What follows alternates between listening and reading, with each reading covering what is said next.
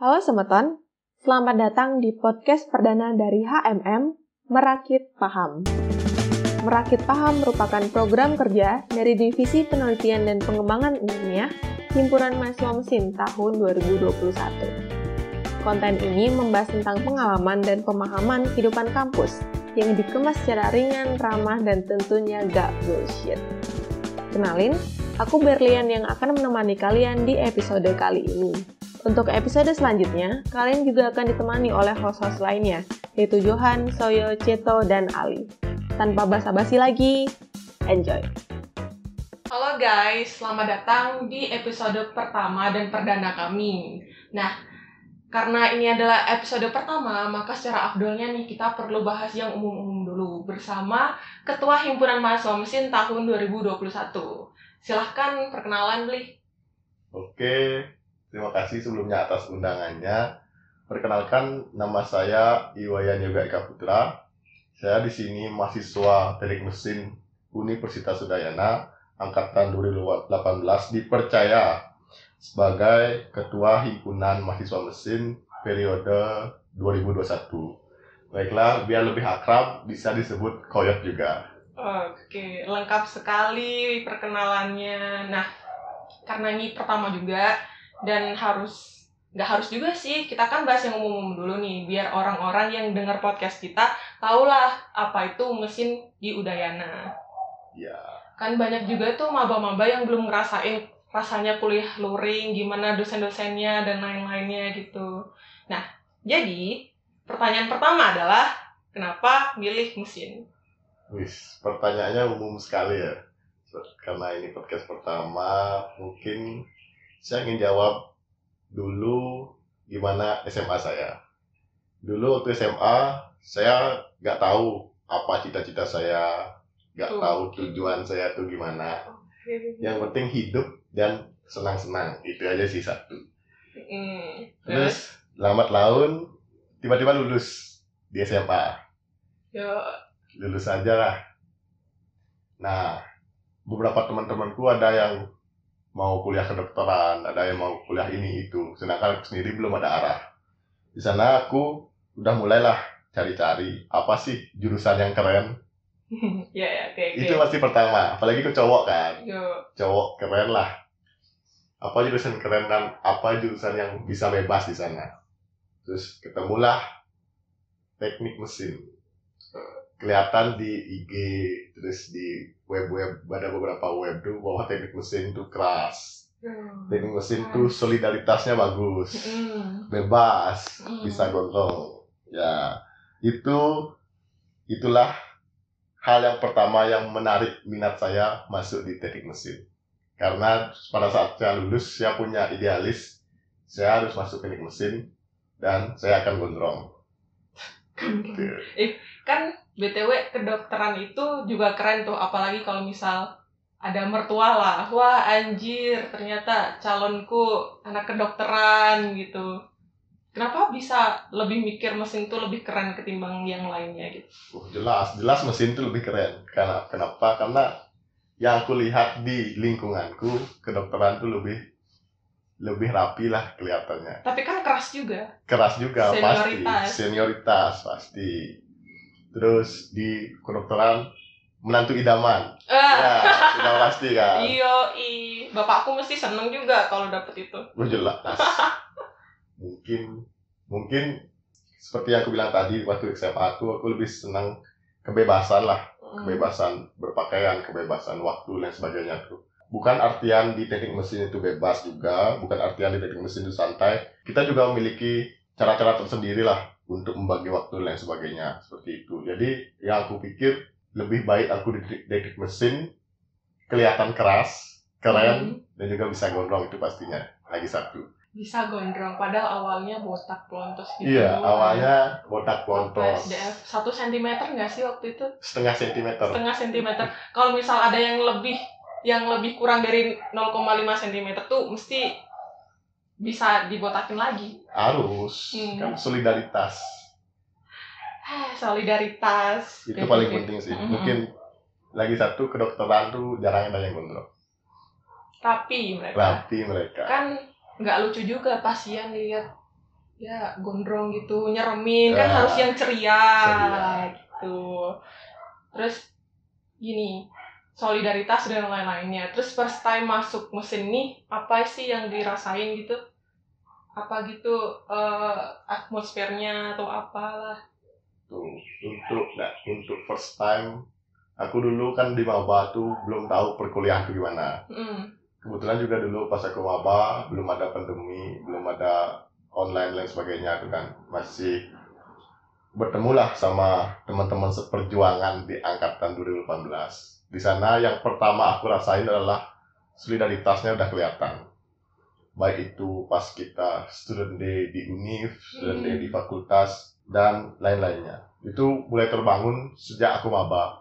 Ambil contoh lah eh, cukuran. Dulu sebenarnya di student day fakultas tuh tidak ada diwajibkan untuk gundul atau Oh. lontos itu tidak ada. Tapi kok di angkatanku ada nih 19 Tuh, tuh kurang tahu kebijakannya kan beda-beda. Ah yang aku Terus, tahu terus, dulu di day fakultas tuh yang penting rapi. Heeh. terus nggak eh, rapi itu 321 lah udah rapi. Hmm. nggak menyentuh telinga lain sebagainya tuh kan rapi itu namanya nah kebetulan ada temanku udah gundul atau pelontos duluan. Dan pelontosnya tuh gak main-main. Setengah senti. Aduh tuh orang tuh eh. Tapi karena kita dari awal tahu di mesin itu harus solidaritasnya tinggi jadi Hmm. kita teman-teman yang belum pelontos pada saat itu kita memutuskan untuk pelontos dengan ukuran yang sama berarti pertama kali masuk mesin langsung akrab gitu sama orang-orang Enggak juga sih. Di mesin awal-awal tuh kita pasti berbeda karena di mesin tuh bukan kayak saya sendiri kan orang Bali ya. Hmm. Bahasa yang saya pakai atau aku, aku pakai itu kan bahasa Bali biasanya. iya iya Untuk memudahkan komunikasi emang awal-awal tuh susah. Karena kita tuh orang-orang Bali gak terbiasa lah untuk benar-benar apa biasanya gue lo itu kan aneh logatnya itu loh. Hmm, hmm, hmm. Orang Bali punya logat yang berbeda. Mungkin awal-awal pasti uh, perlu adaptasi lah di Hmm. awal. Tapi karena teman-teman juga semuanya open minded, teman-teman juga bisa menerima tuh cepat untuk gini adaptasinya. Dan cepat kita bisa nyambung lah. Tuh. Iya sih, soalnya awal-awal masuk maba tuh kan ketemu sama orang-orang Bali juga. Terus mereka kalau udah misal nih ngobrol sama aku pakai bahasa Indonesia, kalau udah sama temannya yang sama-sama Bali nih, dah ngomong pakai bahasa Bali terus diem aja aku terus ini maksudnya apa sih gitu. Yaudah deh diem aja. Terus tahu nggak kan first time masuk mesin ini, kan aku cewek Ya. btw. Takut sebenarnya nih Wah gila, kalau misal satu kelas yang cewek cuman aku aja gimana ya? Oh gila. Terus waktu awal-awal maba nih, kan sempet liburan panjang. Ya. Dari ambil kontribusi lah, SDU lah, itu Hmm. liburan panjang. Nah, aku tuh sempat mikir, oh iya cowok kan suka main game. Gimana Ya, kalau aku coba main game Game. itu? Aku coba main game, terus selama-kelamaan bisa kan main Mobile Legends waktu itu. Terus sampai udah SDF nih aku mikir, emang aku tujuanku main game buat dapet teman ya gitu. Kayak ini tuh bukan aku gitu loh. Ya udah Hmm. mending aku tinggalin aja. Kalau misal gak ada temen ya udah gitu. Soalnya aku mikir kalau aku ini introvert. Eh ternyata waktu masuk mesin karena aku cewek jadi orang-orang nih orang-orang mesin pada tahu aku sendiri gitu loh. Bahkan banyak yang nyapa tapi aku nggak tahu siapa namanya. Wih. jadi eh ber weh apa dari mana ke ah situ Indomaret oh ya ya ya gitu Padahal gak tahu namanya. enggak siapa tuh pokoknya yang penting botak berarti mesin Ya, udah. Tapi dira- dirasain gak kalau di mesin tuh lebih gampang lah untuk kita berbaur? lebih sih soalnya awal-awal mabas kayaknya setelah SDF nggak sih bersih-bersih itu kita dikumpulin sama kayak Ehan, Wiki, lain-lain itu buat bersih-bersih himpunan Ya.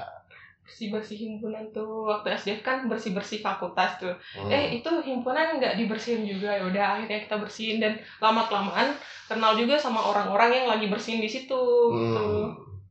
Ya, kebet- kebetulan Berli juga cewek kan. Ya. Cewek di. Cewek Ah. itu langka lah. Bisa dibilang cewek itu ratunya mesin. Di Hmm. angkatanku cuma ada satu cewek. oh Keirin aku cuman tujuh Weh, cu, tujuh tuh bukan cuma, udah banyak. oh banyak banyak. makanya itu cewek di mesin itu spesial lah gak mungkin Hmm. cewek di mesin itu gak ada yang kenal pasti dikenal terlebih dahulu Ya bayangin dari 160 berapa mahasiswa itu 7 cewek doang. cewek doang Jadi satu banding berapa tuh? Wah, gila gila gila. Satu banding 20-an lah. Jadi cewek ini gimana ya? Dia tuh udah bener-bener ratu deh. Terus kalau misal dosen nih, mesti apal deh sama cewek. itu udah pasti Hmm. dosen kan juga pasti bosen tiap hari kelihatan batang semua batang semua hari ketika ada ce- cewek kan ada secercah cahaya baru lah Tapi gak enaknya ini diapalin. ya ya sih ya ini sih. kok gak ada nih yang pakai kerudung gitu. Ini siapa nih? Nggak. Pokoknya di sampai diinget kan waktu itu pernah dapet dosen siapa gitu. Satu kelas tuh yang cewek cuma tiga waktu itu sempet. Yang satu nggak ada, aku nggak ada, aku ditanyain. hmm. Padahal kan satu kelas banyak orang tuh. ya Ya berarti woman dapat privilege sendiri. udah pasti Ya pasti. Terus tau gak sih, kan perkuliahan tuh dibagi dua. Yang satu di Jimbaran sama yang satu di Sudirman. Nah, pernah dengar-dengar nggak sih yang di Sudirman ini diganti ke Jimbaran semua? Oh ya, untuk itu kan kemarin sempat ngobrol juga sama beberapa teman-teman juga karena katanya uh, mahasiswa di, di Sudirman dialihkan semua ke kampus Bukit Dimaran. Kenapa dialihkan? Karena katanya di kampus Sudirman atau ke- itu kampus Denpasar itu mau dipakai untuk pasca sarjana Hmm. gedungnya. Jadi di Bukit itu semuanya terkhusus untuk sarjananya S1-nya seperti itu. Namun karena sekarang gedungnya belum selesai kan dan Hmm. juga perkuliahan juga masih daring, masih online, jadi belum terrealisasikan seperti itu. Berarti orang-orang yang dari Sudirman ini nempatin gedung baru yang di Fakultas Teknik itu. Ya, kurang lebih seperti itu. Berarti nggak mesin doang dong, kayak sipil, arsitek, TI yang di Sudirman semuanya berarti di Jimbaran. Ya, untuk semua jurusan yang Hmm. yang S1 itu semua di Gimaran, Bukit Gimaran. Mhm. Soalnya di Jimbaran ini kan lab-labnya pada di sini, terus kayak ruangan kelas lebih banyak di sini juga. Tapi dilihat dari ruang kelas ya, menurutku lebih bagusan yang di Sudir. Oh iya sih. AC-nya nyala, iya nggak sih? Di Sudir lebih, eh, lebih dingin gak sih? Mungkin mungkin gini juga sih, karena kondisi lingkungan juga kan di bukit lebih panas karena perbukitan kan. Oh, Itu juga. berbicara, berbicara tentang lingkungan. Bukit Kapur. Bukit kapur, airnya susah. Ya, ini susah. Oh, jadi digituin. Oh, apalagi di DG. Hmm.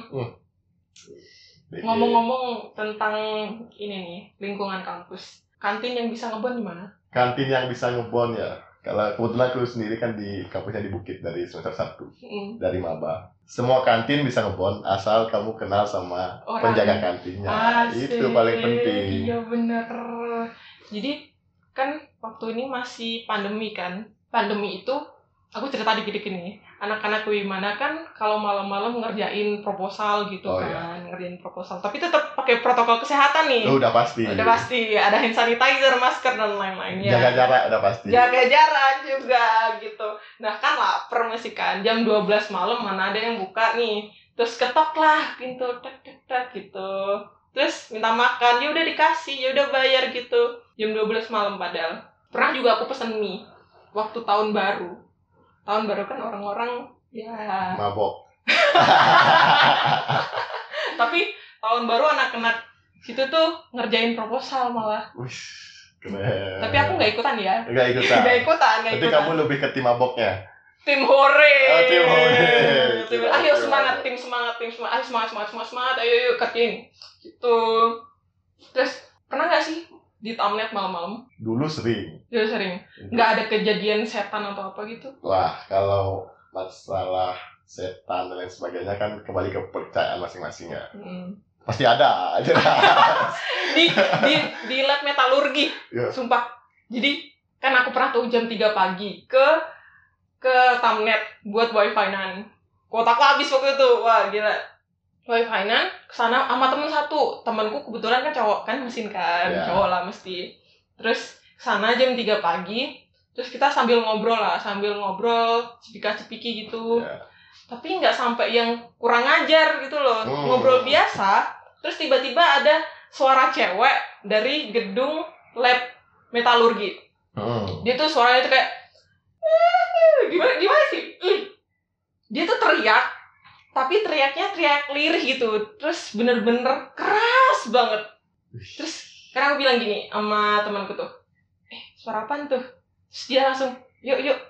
Ya, Kan- pulang. bingung kan? Ya. yuk apaan? Yuk samperin goblok lu gitu. Ternyata dia bilang yuk pulang anjrit. Terus akhirnya kita langsung pulang. Tapi pernah juga malam-malam kan kamar mandi tuh. Hmm. kamar mandi sama teman satu cowok juga dianterin kan Satu kamar mandi itu. enggak, enggak. gila enggak ini eng, dia dia nunggu di luar luar pintu kan di luar pintu aku masuk tuh Set, terus keluar keluar nungguin dia nungguin dia dia kan kencing juga kan nungguin tuh seret. di atas kan lantai dua tuh di atas tuh kayak ada orang ngobrol bapak-bapak gitu pagi kayaknya jam satu pagi tuh Tapi lampunya hidup. lampunya hidup kan Oh. hidup mulut di lab metalurgi Iya sih. Hidup terus emang siapa sih emang di sana ada apa gitu kan nggak mungkin Ya mungkin. nggak mungkin gitu kan nggak mungkin jam segitu gitu terus ternyata si temanku juga denger Hal yang sama. hal yang sama bapak-bapak Ah. ngobrol wah kita langsung kabur waktu itu terus kalau beli gimana Tapi kalau untuk mistis tuh di Bali masih kental ya. Karena Mm-mm. di Bali kita mempercayai ada ke- kehidupan lain lah selain kehidupan kita gitu. Ada beberapa kejadian-kejadian juga, misal lagi ngumpul-ngumpul nih di Tamnet juga lagi ngumpul-ngumpul bikin tugas kita berenam misalnya atau berlima Hmm. tiba-tiba kerasa bersepuluh Eh. serius pernah kayak gitu bersepuluh itu rame kelihatan rame itu loh tapi kita nggak saling kenal bentar pa- pakaiannya gimana yang kita rasain hmm mereka juga mahasiswa oke jadi pakaian biasa gitu pakaian biasa Napak normal. nggak? Wah nggak tahu. Kan duduk. Di tangan kan duduk. Iya, kan nggak kelihatan. Ya hal-hal seperti itu biasalah. Asalkan kita kan tidak mengganggu. Hmm. kita saling toleransi lah satu sama satu sama lain sama mereka mereka yang Hmm. tidak terlihat. Sama obrolan tuh kalau sudah jam-jam jam segitulah jam di atas jam 12 malam pasti ada aja obrol-obrol mistis dan lain sebagainya ya. oh iya benar tuh. Terkadang itu juga misalnya kita ngobrol ada film horor baru misalnya, terus kita ngobrol hantunya serem dan lain sebagainya. Biasanya ada backsound backsound keren. oh bener-bener backsound keren tuh Itu biasa itu biasa terjadi kan. Hmm, hmm. Hal-hal seperti itu normal lah. Yang penting kita nggak parno aja sih. Itu paling penting. nggak parno wifi-an gimana ya wifi I miss you kan ada di setiap tamnet tapi Hmm. ada tuh di eh, spot-spot tertentu ada wifi tapi dia kekunci Terpassword. nah Ah. terpassword tahu nggak guys apa passwordnya Tuh, kalau aku sendiri pasti tahu. kasih tahu apa Ya. spill spill spill Itu rahasia lah. Nggak boleh.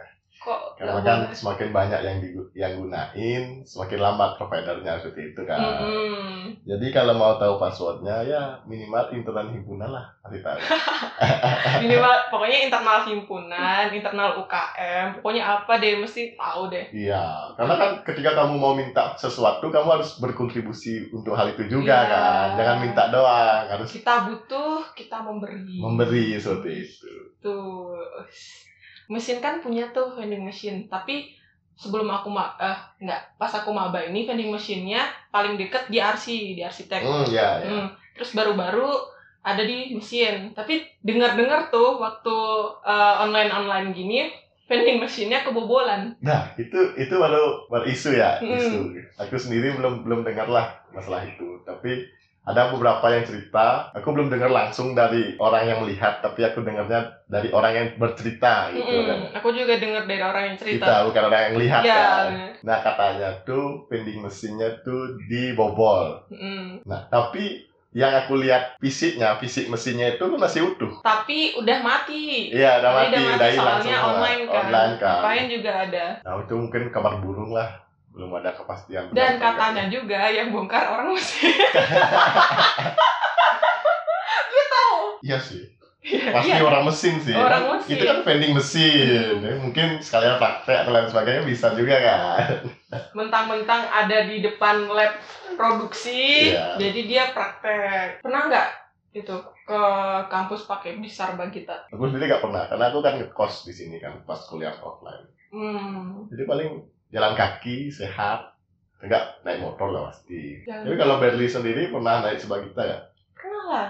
Waktu awal maba kan, aku kan dari Jawa nih. Mesti Hmm. nggak langsung pakai motor dong. Mesti pakai motor tuh pinjem-pinjem. Dan kalau Iya. misal nggak ada motor, naiknya Sarbagita. Waktu itu ada temanku bilang kalau di sini tuh ada bis Sarbagita dan dia gratis buat mahasiswa. Tapi cuman tiap jam sekali. Haltenya itu kan kebanyakan di daerah kampus. Hmm.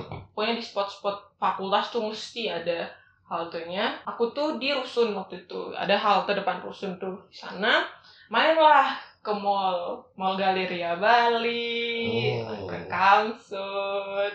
Tuh main-main aja. Tapi ngomong-ngomong masalah rusun tuh, berarti Hmm. Berli semester satu di rusun ya? Semester 1, semester 2 aku di Oh, satu tahun. Ya, satu tahun. Maksimal satu tahun. Maksimal satu tahun. Hmm. Tapi kalau misal ada sih, ada tuh sempet satu apa dua cutting tuh ada di situ. Kan kaget juga kan di sana kan harusnya maba semua. Hmm. Tapi ternyata ada cutting nih. Wah, berarti bisa ada cincau-cincau. Ya cita-cita ternyata Ternyata ya emang. emang bisa.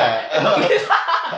emang bisa, tapi waktu aku tanya sama petugasnya, dia bilang nggak bisa. Nggak bisa. Bisa. Tapi kalau ah nego-nego dikit lah, pasti bisa. Janganlah, kan kita itu diperuntukkan itu kan diperuntukkan untuk maba kita kan udah dewasa udah satu tahun di Bali masa nggak bisa cari kosan Iya. gitu loh Tapi fasilitas di rusun bagus ya. Wifi. Em, Ada kan? wifi ada wifi ada wifi tiap lantai ada wifi wifi berbudaya wifi mandiri wifi punat lah intinya dan dia lumayan cepet kok kan Hmm. aku kamarku itu di lantai satu waktu itu di lantai satu bagian dua dari lobby itu nyampe dia. Tapi waktu itu kan aku mungkin angkatan nggak hoki ya. Ya nggak angkatan nggak hoki. Ya. Jadi setelah aku keluar dia renovasi. Dia renovasi. Jadi lebih bagus. Terus aku ngerasa wah kayaknya aku salah lahir deh. Gitu loh. Mungkin sedikit informasi juga untuk teman-teman yang 2020 lah yang belum sempat ke kampus. Ketika ke Hmm. kampus, jika kalian lihat ada wifi unggul mandiri, Mandiri dan berbudaya. itu udah pasti gratis. Mm-mm. Tinggal masukin NIM sama password Amisiu. Ya, tapi harus itu. Ah, kalau aku sih ngubungin CP yang di line. Oh, untuk ini yang pertama kalinya. Mm, pertama Oh, kali itu ya, ya. CP yang di line. Mesti kok kan di rusun ada empat kan.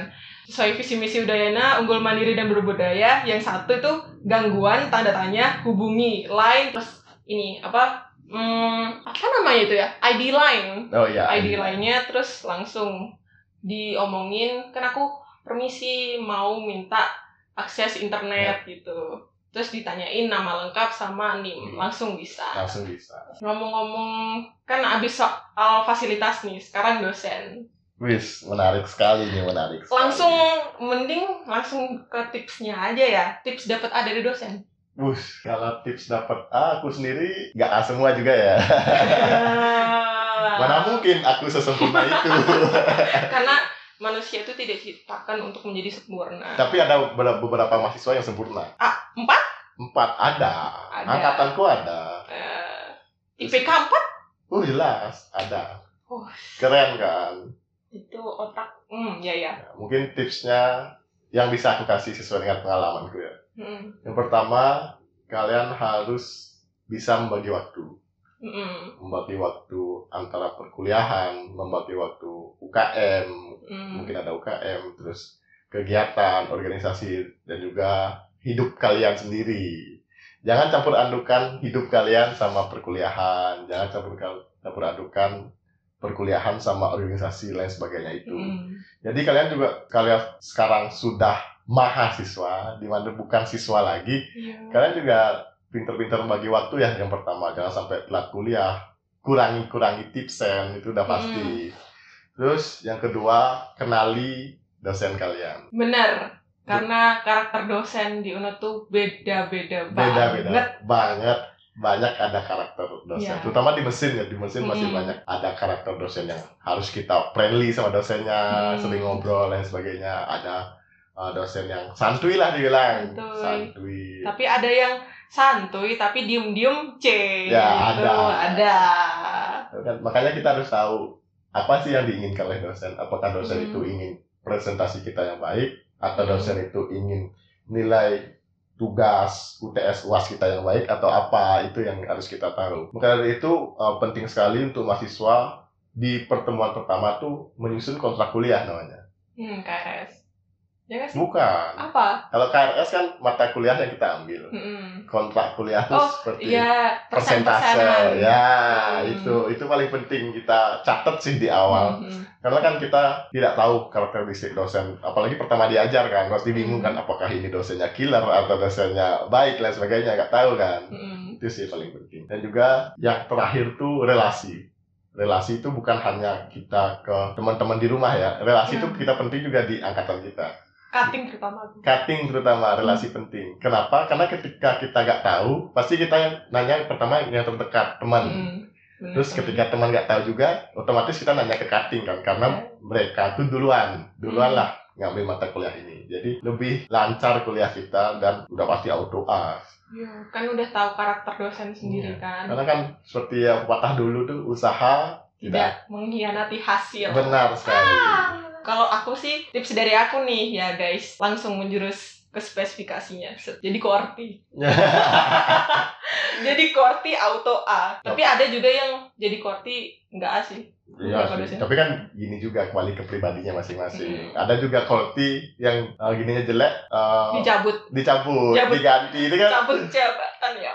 Hmm. sampai jabatan kolti dicabut kan itu nggak bisa Hmm. bertanggung jawab lah namanya. Cabut jabatan. Terus gini deh, habis ngobrol-ngobrol tentang dosen dan lain-lainnya. Sekarang kita ke kegiatan. Kepanitiaan favorit apa? seluruh panitia menurutku favorit karena setiap kegiatan nih setiap Hmm. kegiatan punya suka dukanya lah Ya, ya kebanyakan menurutku sukanya walaupun dukanya juga menyakitkan gitu ya ada yang lebih greget gitu, bener-bener greget. benar-benar greget mungkin musang Eh, Musang tahun tahun 2019 19 aku angkatanku. Ya. Waktu angkatanku yang pegang. ya enggak angkatanku yang megang Oh, iya kan ya, ya Kalau 19, yang 19. 2020 19 yang megang nah pada saat itu aku sendiri dipercaya jadi ko- koordinator kamper Mm.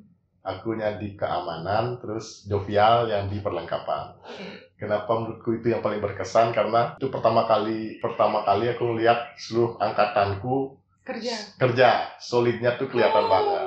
Sampai kita di sana begadang lah, sampai pagi gak sempat Hmm. tidur. Terus pas acara kita semua menjalani, baik itu panitia dan nggak panitia ya, Mm. itu semuanya Ikut. ikut di sana. Walaupun dia nggak panitia, dia ke sana gitu. sana tapi seluruh kegiatan sih ada beberapa yang nggak yang nggak panitia juga ikut tapi yang aku rasa pas musang itu hampir semua lah mahasiswa angkatan 2018 ambil andil di sana baik Hmm. dia panitia ataupun nggak panitia itu yang paling berkesan menurutku Ya, benar-benar. Aku sendiri kepanitiaan favorit Musang tahun 2020. musang juga karena greget gitu di, di antara kepanitiaan lain cuman itu aja yang bikin aku greget yang Iya. bikin bisa bikin aku emosi lah apalah terus karena mungkin karena angkatanku juga yang pegang Pegang, kan ya. yang pegang terus ketuanya temanku sendiri terus apa apanya benar-benar temanku sendiri jadi aku tuh langsung tahu karakter mereka gitu loh. ya, padahal aku nggak terlalu kenal dia nih. Terus karena aku satu kepanitiaan sama dia jadi aku tuh bener-bener tahu kepribadian dia tuh kayak gimana gobloknya dia kayak gimana terus jeleknya dia kayak gimana tahu semua. Sampai di antara kepanitiaan kepanitiaan kayak bem dan lain-lainnya nih cuman itu aja yang bikin aku tidur di sana. Tidur di tempat. Hmm, padahal yang lain kan bisa. Pernah tuh aku jam 3 pagi baru selesai gladi pulang pulang Ya. di kepanitiaan lain kayak gitu. Nah, cuman di mesin aja nih di Musang tahun 2020 aku ambek tidur di sana. ya itulah musang memang paling berkesan pastinya karena Hmm. karena kenapa karena di sana kita harus menurunkan ego kita sendiri Hmm. ego kita bersama teman, ego teman juga harus kita ngertiin itu yang paling Ya. penting sih. Enggak, Ah. profesionalitas di kegiatan Mm-mm. tuh harus ditunjukkan dan aku sendiri merasanya musang sih momen paling Melupa greget Greget. banget. Hmm. nggak terlupakan lah. Nah, istilahnya. Tapi bener. yang lain juga favorit. yang lain juga favorit juga. Nggak Soalnya kan ngebentuk kepribadian kita Iya. bersolisa- bersosialisasi sama orang lain kan. Iya, karena kan Mm. kita perkuliahan ini nggak hanya mencari ilmu ya, mencari ilmu keilmuan yang kita dapat di kuliah artinya. Hmm. Kita mencari hard skill dan juga soft skill juga kan. Terus soft skill itu kita dapat di kepanitiaan, organisasi, yang ke UKM. Itu juga penting sih nantinya ke- ketika kita lulus. Karena pada saat kita menjadi mahasiswa, yang paling dibentuk itu bukan hanya otak kita, tapi pola pikir. Hmm, benar. Itu paling penting, Pola pola, pikir. Cara kita menyelesaikan masalah itu Hmm. penting. Terus ketika kita berada di tekanan sesuatu itu loh. Mm-mm. Nah, itu paling penting mental kita mental kita harus dibangun itu, Mm. itu sih menurutku yang aku dapatkan setelah menjalankan berbagai jenis kepanitiaan dan juga kegiatan Jadi mental itu bukan hanya dibentuk dari bentakan dosen, tapi dibentuk dari kepanitiaan atau sosialisasi kita dengan mahasiswa lain. iya gitu. itu. Terus kalau misal kayak gitu kan feedbacknya berarti soft skill dan lain-lainnya. Jadi kalau misal kita ikut kepanitiaan itu, kita tuh gimana ya SKP kita atau satuan kredit partisipan kita itu ya pasti cukup lah gitu loh. Kalau misal kita aktif, mesti SKP itu nggak usah dipikirin, usah mesti penuh-penuh sendiri. sudah pasti Mm-mm. ya, Berli tadi menyinggung tentang SKP SKP ini obrolan paling menarik lah Iya. di hadapan di mahasiswa itu Iya. sendiri karena kan ada mahasiswa yang santai tiba-tiba SKP-nya nggak ada Mm-mm. ada mahasiswa yang aktif tiba-tiba SKP-nya hilang gitu kan ada juga bukan SKP hilang, sertifikat hilang. ya sertifikatnya hilang itu kan nyesek gitu. SKP itu obrolannya panjang lah jadinya Hmm. aku sendiri nyaranin untuk teman-teman aktiflah di kegiatan, aktiflah di organisasi UKM karena akan berdampak baik lah untuk kalian sendiri, untuk uh, individu itu sendiri gitu loh. Hmm. Bukan hanya ketika kalian nanti yudisium SKP kalian sudah terpenuhi, tapi bukan itu yang paling penting, bukan poinnya yang paling penting, tapi pengalaman yang kalian dapat Benar. itu sih harus harus kalian gini ubah Benar mindsetnya itu.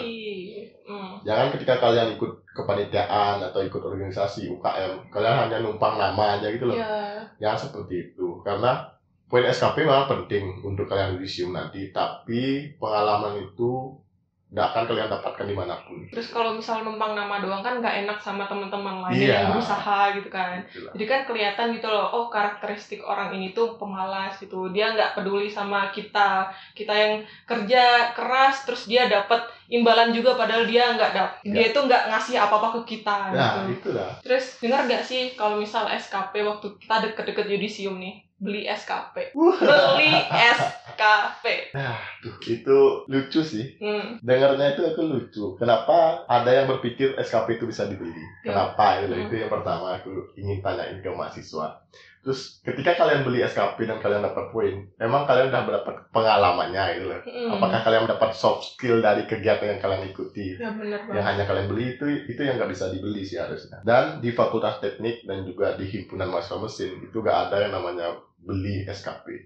Dan kita tidak akan pernah menjual SKP. Komitmen dari dulu-dulu banget. Jadi kalau misal kalian dengar ada yang beli SKP, sebenarnya uang itu tuh bukan diberikan kepada lembaga, bukan Bukan. diberikan kepada senat, bukan diberikan kepada himpunan, tapi pada kantong pribadi. Dan Gitu. itu gimana ya? Mungkin itu bukan jual beli SKP. Apa? Mungkin itu pemalsuan SKP. pemalsuan SKP. Itu paling benar. Hmm. Jangan, janganlah coba-coba hal tersebut karena itu rugi untuk kalian sendiri. Ya. Ketika itu ketahuan, adalah nanti konsekuensinya, Suti. Terus tadi tadi nih sebelum podcast dimulai aku dengar dari wakilmu beli Eh. ah, yang tentang barcode di sertifikat. Jadi sekarang itu katanya nih katanya. Semoga diterapin lah. Jadi tiap sertifikat yang dipublish ke panitia itu bakal ada barcode-nya. Nah, barcode-nya itu kalau di scan isinya itu ada SK, ada daftar peserta, pokoknya intinya semuanya tuh adalah di situ. Jadi Nah, Hmm, kalau misal mau pemalsuan SKP itu susah bakalan. nggak bakal bisa. Ya. Bukan susah lagi, nggak bakal bisa. bakal bisa. Karena kami sudah menyepakati juga di mana SKP itu nantinya seperti yang dibilang Berli tadi bakal ada barcode-nya. Nah, barcode-nya itu akan menuju ke Google Drive dan Google Drive akan tersimpan nama-nama siapa saja yang benar-benar mengikuti kegiatan itu, baik itu dia panitia ataupun peserta. Hmm. Itu menghindari untuk teman-teman yang mencoba memasukkan SKP. Pemalsuan Ya. SKP. Oh, Pokoknya kayak gini-gini, kalau gini kan enak gitu loh. Jadi Ya. kita tuh merasa adil. Dia masa aku udah enak-enak nih. Be- Sebenarnya bagus sih ikut kepanitiaan kan daftar dapat soft skill juga bersosialisasi dengan yang lain. Tapi kalau misal lihat orang lain dapat sertifikat itu, padahal dia gak ikut kan sakit hati juga nih Oh, pasti. nah gitu terus mau ba- bahas apa lagi nih tentang SKP Buh, SKP kalau kita bahas semua itu gak panjang lah ceritanya. hmm, panjang Panjang. Jadi yang aku mau, yang aku ta- dari tadi bilang tuh, teman-teman mari kita aktif di kegiatan, Hmm. aktif di organisasi juga UKM. Karena ketika kalian aktif di awal, dan itu semester 1, 2, 3, 4, itu kan masih santai ya perkuliahannya. Matkulnya juga gak perlu tegang lah. Bisa dibilang dosen juga masih pengenalan, masih adaptasi dari siswa ke mahasiswa. Karena itu aku harapin untuk teman-teman mahasiswa baru 2020 terutama Hmm. Mari kita ikut kegiatan dan aktif di kegiatan organisasi juga UKM itu di awal. Biar nantinya ketika kalian semester 5, kalian udah full SKP-nya itu loh. bener bener. Aku gini ya pengalamanku sendiri kan aku mikir waktu itu sempat punya pola pikir kayak gini.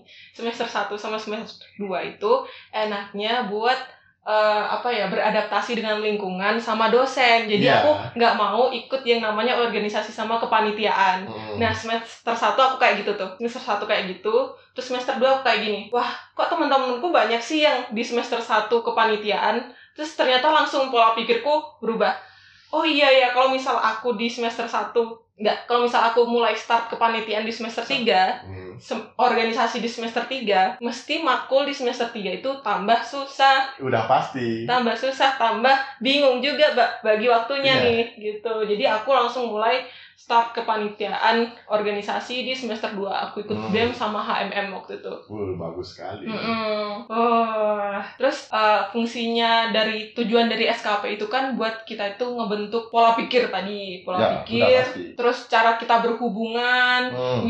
begitu begitu. Jadi Sopan santun dibentuk Oh, di sana. benar, cara menghargai satu sama lain gitu. Jadi SKP itu bukan diperuntukkan untuk uh, mempersulit mahasiswa, Bukan. tapi sebenarnya untuk membentuk mahasiswa menjadi yang lebih baik. Sudah pasti itu. Karena Hmm. kan kita seperti yang aku bilang tadi di awal-awal juga, kita sekarang bukan siswa, hanya siswa gitu. Kita tapi udah ada maha di depannya. Kita akan nanti setelah kita lulus akan ke masyarakat, kita akan bekerja dan lain sebagainya. Dan pengalaman-pengalaman yang kita dapat, soft skill yang kita dapat di perkuliahan ini, di kegiatan organisasi, UKM dan lain sebagainya, itu sangat-sangat berguna nantinya. Hmm. Dah, kita dah ngobrolin tentang fasilitas, ngobrolin tentang dosen, ngobrolin tentang SKP atau kegiatan itu.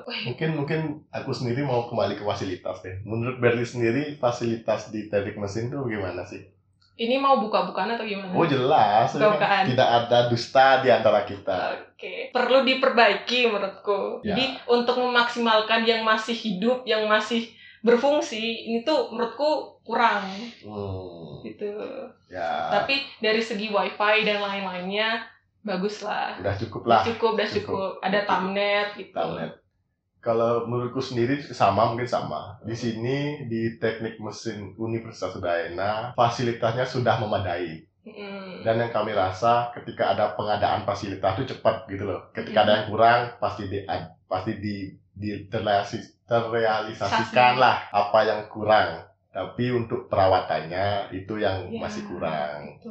Juga aku harap untuk mahasiswa dan juga teman-teman yang mendengarkan podcast ini mungkin kita jagalah bersama-sama Hmm. fasilitas yang telah Membantu diberikan. merawat. Merawat itu paling penting. Karena kita yang menggunakan, kita juga yang harus merawat. Merawat itu paling penting harus ditanamkan. Oke, dan nih udah semua. Sekarang pertanyaan penutup. Ada yes or no question. Uish. Yes or no question harus dijawab cepet banget. Aku ngomong questionnya apa, langsung dijawab yes atau no. Gitu. Oke, aku mulai ya. Satu, dua, tiga. Pernah salah masuk kelas gak? Yes. Pernah ribut sama dosen gak? Yes. Pernah diem-diem suka sama cewek mesin gak? No. Oh, pernah tipsen terus ketahuan gak? Yes. Pernah ngulang matkul? Yes. Pernah boker di gedung DG nggak? No. Gak ada Oh. toilet. Pernah makan di kantin terus lupa bayar? Yes. Terakhir, pernah mosing nggak? Yes, sudah pasti. Udah pasti. Yang terakhir tuh anak mesin udah pasti kalau ada konser, Hmm. ada kegiatan-kegiatan musik di di mana pun itu hmm. dan ada anak mesinnya udah pasti musing dan lucu dikit. Ya. Jadi sedikit bentuk kekeluargaan. Iya kekeluargaan. Hmm, bentuk kekeluargaan dari mesin itu mosing, tapi aku nggak ikut. Nggak ke cewek mana mungkin cewek di di mospit area cewek kan musing kan Aduh, oke. bingung bingung juga mau ditonjok cewek kalau salah pegang juga susah Wow. Jadi kan harus diminimalisir Mm, Oke, udah. Kayaknya udah semua deh. Udah semua tapi tadi pertanyaannya jangan dicontoh ya Iya, ya, ya, ya, jangan ditonton. untuk semua yang kita bicarain yang jelek-jelek jangan diambil Hmm. yang bagus-bagus diterapkan Mm, itu sih. Intinya disaring. disaring Ambil yang baik-baiknya, ya. yang jelek-jeleknya dibuang aja. Dibuang. Gitu. anggap aja gak denger lah yang jelek-jelek Ah, bener-bener.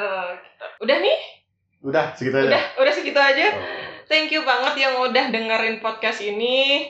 Selama berbincang-berbincang, ngobrol ngalur gitu Ah, ada yang jelas, ada yang nggak jelas juga. Mohon disaring juga perkataan-perkataan kita. Tadi aku juga ada nge-spill-spill dikit nih, gitu. Oke, kalau misal kalian mau request tema atau mau request guest star, bisa tuh DM di IG HMM. M nanti dibalas sama admin. Ya. Admin pupdoknya di sana. Thank you and see you next time.